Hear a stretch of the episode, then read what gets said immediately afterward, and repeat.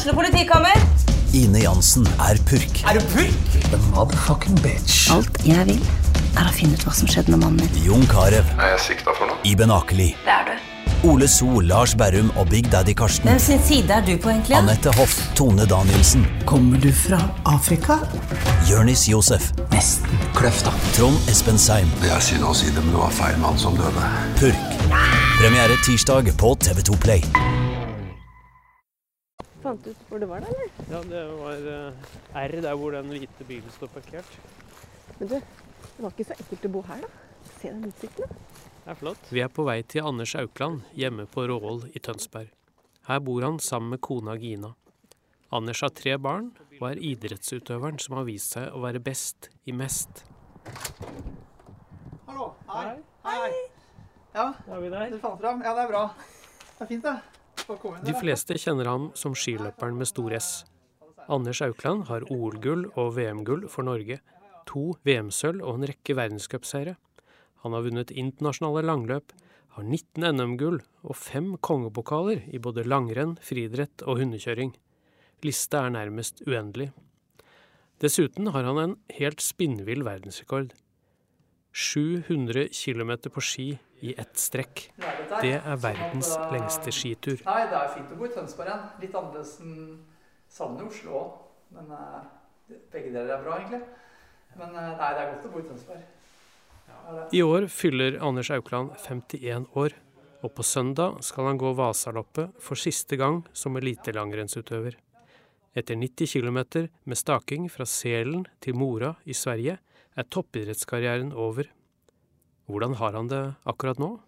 Eh, ja, det er litt spesielt. Eh, jeg gleder meg veldig til, Vasaloppet, som er nå på, på søndag. Eh, så er det jo sånn som du sier, at det er det siste gangen jeg har vært litt inne i den bobla og prøvd og levd som en toppidrettsutøver nå siste måneden, og optimalisere alt og trene så mye jeg kan og forberedt meg så bra jeg kan. Jeg Har lyst til å være på min beste form, det jeg kan klare. Jeg har jo blitt for gammel til å gå skirenn, egentlig. Det er 50 i høst. men... eh, så jeg gleder meg veldig til Vasan og er, eh, er mest, eh, gleder meg mest og er litt spent. Men og så er også ambisjonen eh, kanskje vel så mye på vegne av laget. Altså, for jeg veit jo at ikke jeg vinner det skirennet. Men jeg håper jeg har en lagkamerat som kan vinne. Så håper jeg å gjøre et veldig bra renn sjøl. At den aktive karrieren skal avsluttes nettopp med Vasaloppet, er helt spesielt for Anders. Der har han hatt gode opplevelser, ikke minst i 2004. Ja, altså eh, Vaseloppet er jo det eldste, lengste, foruten et annet renn som har kommet nå, da, og det største, mest prestisjefullte langløpet som fins. Og da har jeg alltid hatt en sånn spesiell eh, følelse med det. Eh, Jeg så jo Vaseloppet på TV da jeg var liten. Jeg husker jeg så den starten når 15 000-16 000 starter sammen og går ut. Ett startskudd, alle på en gang. Det er ni mil, eh, og det er mye staking som gjør at eh, det var vanskelig for nordmenn å vinne der i mange, mange, mange år. Så det er på en måte et VM i, i langt skirenn, da. Um, men eh, etter jeg hadde en karriere innen verdenscup og landslag og sånne typer skirenn, så bestemte jeg meg for å prøve å gå fort i Vasan sammen med broder Jørgen. Eh, og det første Vasaloppet jeg gikk, var i 2004, faktisk. Eh, så det var, eh, Da hadde jeg satsa på det gjennom hele vinteren, sammen med, med Jørgen. egentlig. Jørgen hadde vært nummer to og jeg hadde lyst til å vinne det rennet. Eh, og da hadde jeg en fødsel på gang da, med den første, første barnet. Eh, så det, det var, Og det viste seg at det kom jo til å krasje akkurat med den dagen Vasaloppet var.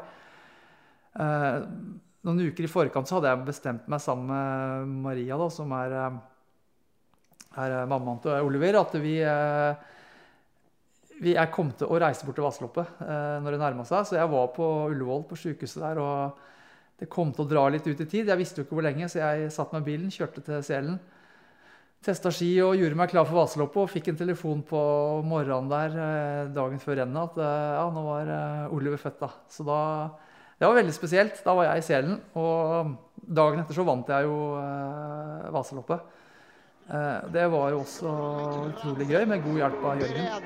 Når Anders Aukland nærmer seg, og han kollar. Det er klart bakåt Anders. Du kan ta imot den der kransen og få åka med den over akslene inn under den klassiske devisen. Og det er ett av de snabbeste loppen i Vasaloppshistorien.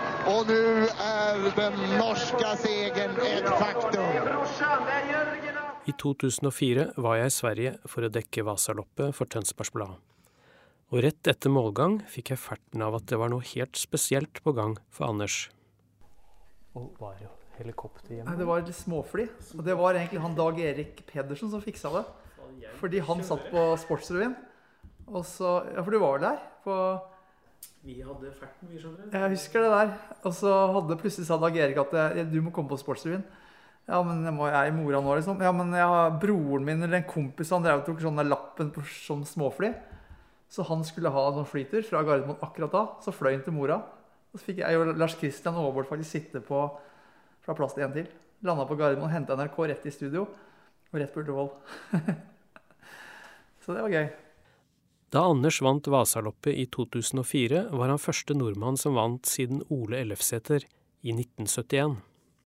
Ja, han hadde vunnet i 71 eller noe sånt. nå. Så, så Vaseloppet var jo et renn hvor svenske løpere dominerte veldig. Selv om mange gode løpere, Bjørn Dæhlie, Ulvang, Erling Jevne, Sture Sivertsen, alle hadde prøvd seg, så mente de kunne vinne det rennet. Men det er langt, det er mye lengre enn femmil. Det er mye staking, og det krevde spesialtrening. Og Jørgen hadde jo vært veldig tidlig ute og gjort eh, flere gode forsøk på å vinne, men hadde nesten klart det. Så sammen med han da, så hadde jo, trente vi, prøvde vi å være tidlig ute og utvikle mye av den treninga som nå mange gjør, da, i forhold til staking. I forhold til hvordan ski vi skulle gå på, hvordan teknikk vi brukte. Og det var jo godt samarbeid med Jørgen jeg vant det rennet. Så vi rykka litt annenhver gang, og jeg kom løs og klarte å vinne. Men, eh, men eh, det at jeg var den første norske på så mange år, det betydde veldig mye. Og det, det var kanskje starten på den oppsvinget for lange skirenn. At mange i Norge fikk øynene opp for det, hva det er for noe. For de lange skirennene har jo vært der i veldig mange år. Nå er det jo en egen verdenscup som heter Ski Classic, hvor du har Marslonga, Vasan, Birken, hvor det inngår. Så det her var egentlig starten på langløpa, egentlig, da, på TV. Jeg er nysgjerrig på hvordan det går an å være en av verdens aller sprekeste personer i en alder av 50 år. Jeg har lyst til å spole helt tilbake til starten. Jeg husker å ha sett et bilde av Anders Aukland som treåring, allerede den gangen med ski på beina. Jeg har gått på ski så lenge jeg kan huske. Jeg vokste opp i Tønsberg, på, først på Eik. Og så flytta vi, bygde hus, moderen og faderen på Husvik.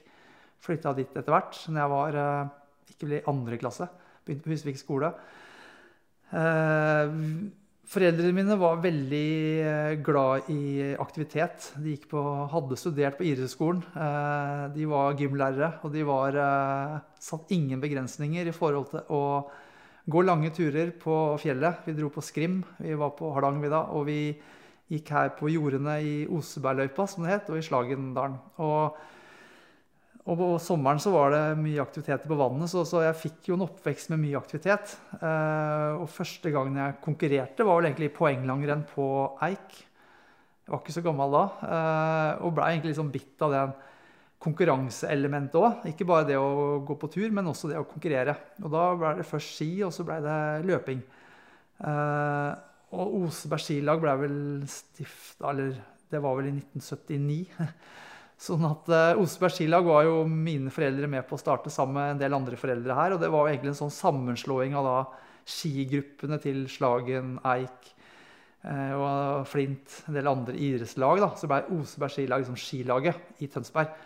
Og de hadde jo da foreldre som var veldig ivrige. Faderen var en av de.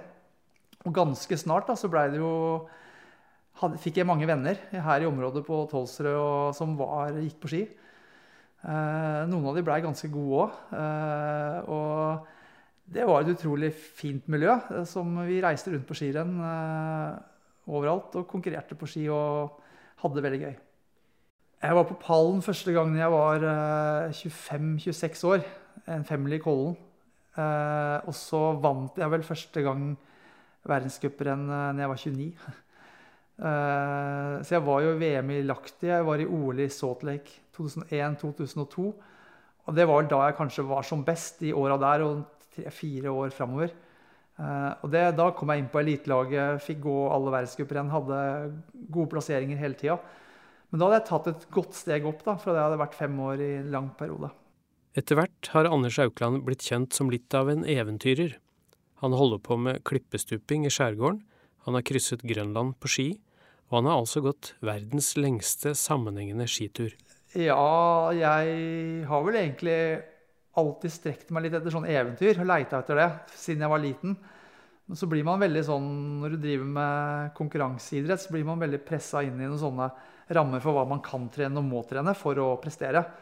Men hele tida så har jeg hatt uh, litt sånn eventyr i drømmene. da, Å gjøre rå turer, uh, fjellturer, lange kajakkturer. Uh, ting som er spennende. da. Sånn at jeg har gjort noen turer. Grønland var jo kjempespennende å teste litt på hvordan det var var i virkelig dårlig vær og kulde.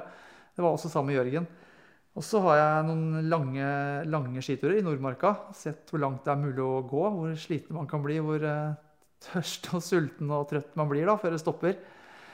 Så det er jo noe som har trigga meg litt og syns det er spennende. Men, eh, men, eh, det har jo først og fremst vært konkurranserammene som har liksom lagt, blitt lagt til grunn da, for hva, min trening. Så jeg trener jo det som skal til for å gå fortest mulig på ski.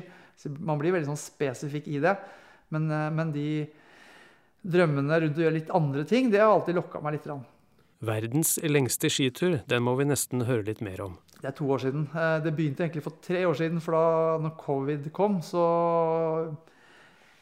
var det mange skiløpere som var i veldig god form på slutten av vinteren, og så plutselig så ble alle renn stengt. Og da satt vi der med god form, ikke kunne bruke på noe. Og det var flotte forhold i Nordmarka, så da hadde jeg en veldig lang skitur sammen med Joar Tele og Hans Christer Holund, en eh, god skiløper på landslaget.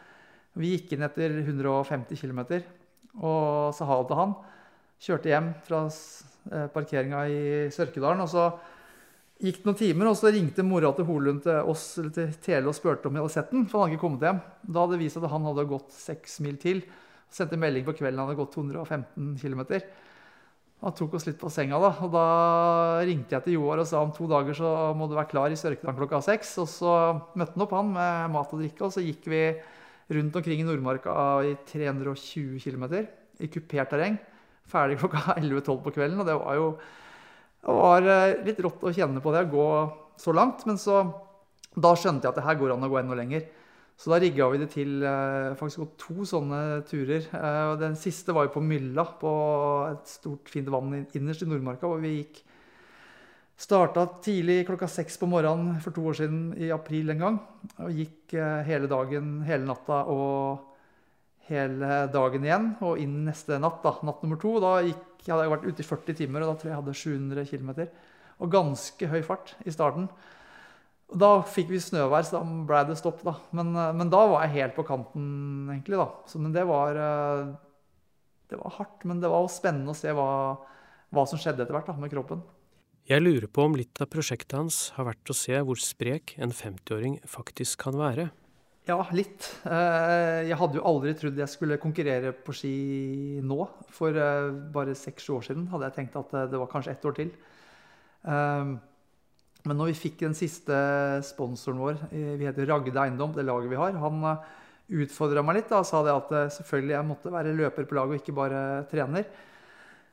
Så tenkte jeg at ja, jeg skal prøve. Og så har jeg vel egentlig senka ambisjonene mine litt, for jeg veit at jeg ikke er god nok til å vinne skirenn lenger. Eh, jeg vant det siste rennet i 2016, eller kan det ha vært 2017. Eh, og så har det gått litt nedover på noen ting, og så blei det et prosjekt for meg å se Ok, jeg skal gå til jeg er 50, så skal jeg se hva som, eh, og det er jeg nå. Så skal jeg se hva som skjer med kroppen, hvor mye det taper seg, hva som taper seg. Så har jeg nå vært i en stort forsøk med NRK har vært med på på NIH, da, på idrettshøyskolen, hvor man har målt det meste i kroppen og sett hva hvordan ser kroppen ut inni? Og det har vært litt spennende for meg. Uh, og det viser seg at uh, det meste er veldig bra. Altså jeg har målinger og parametere på lunger, hjerte, muskler, styrke, som er der jeg var da jeg var 25. Men når det som gjelder kondisjon, altså OT-opptak, når hjertet skal jobbe sammen under maksimal fart, da, så er jeg litt stivere og det går litt saktere, som gjør at jeg sliter nå i motbakkene. Og jeg sliter med åpningsfart. Og Jeg sliter med det som jeg før var bra på.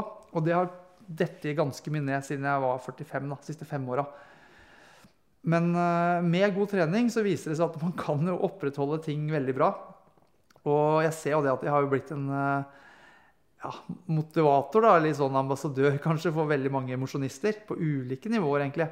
At uh, det går an å trene, og det er lov å konkurrere selv om du ikke vinner.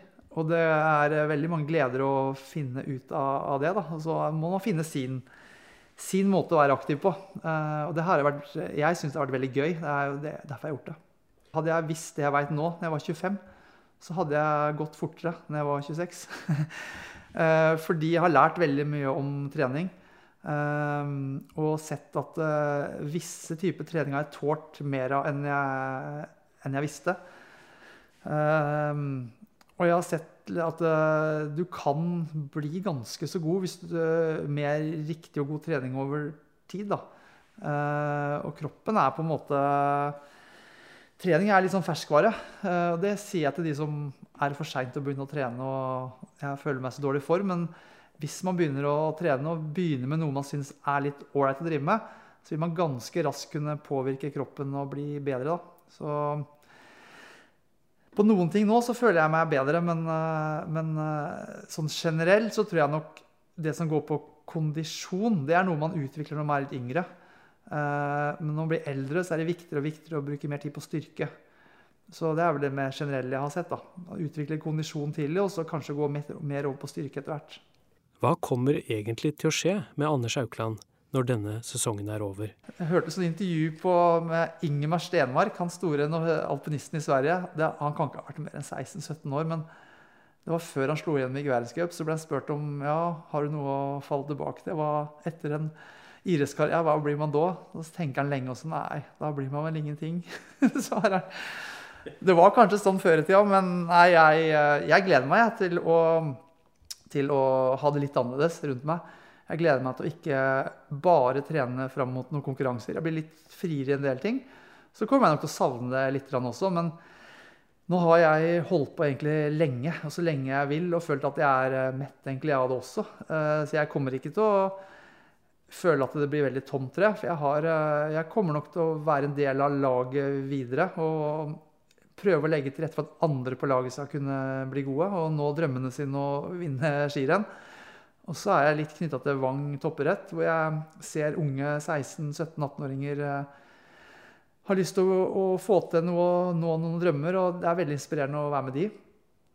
Og så har jeg en gutt som heter Oliver, som er nå fyller 19. Han uh, driver og sykler og er ganske bra. og Jeg har lyst til å være med han på sykkelritt.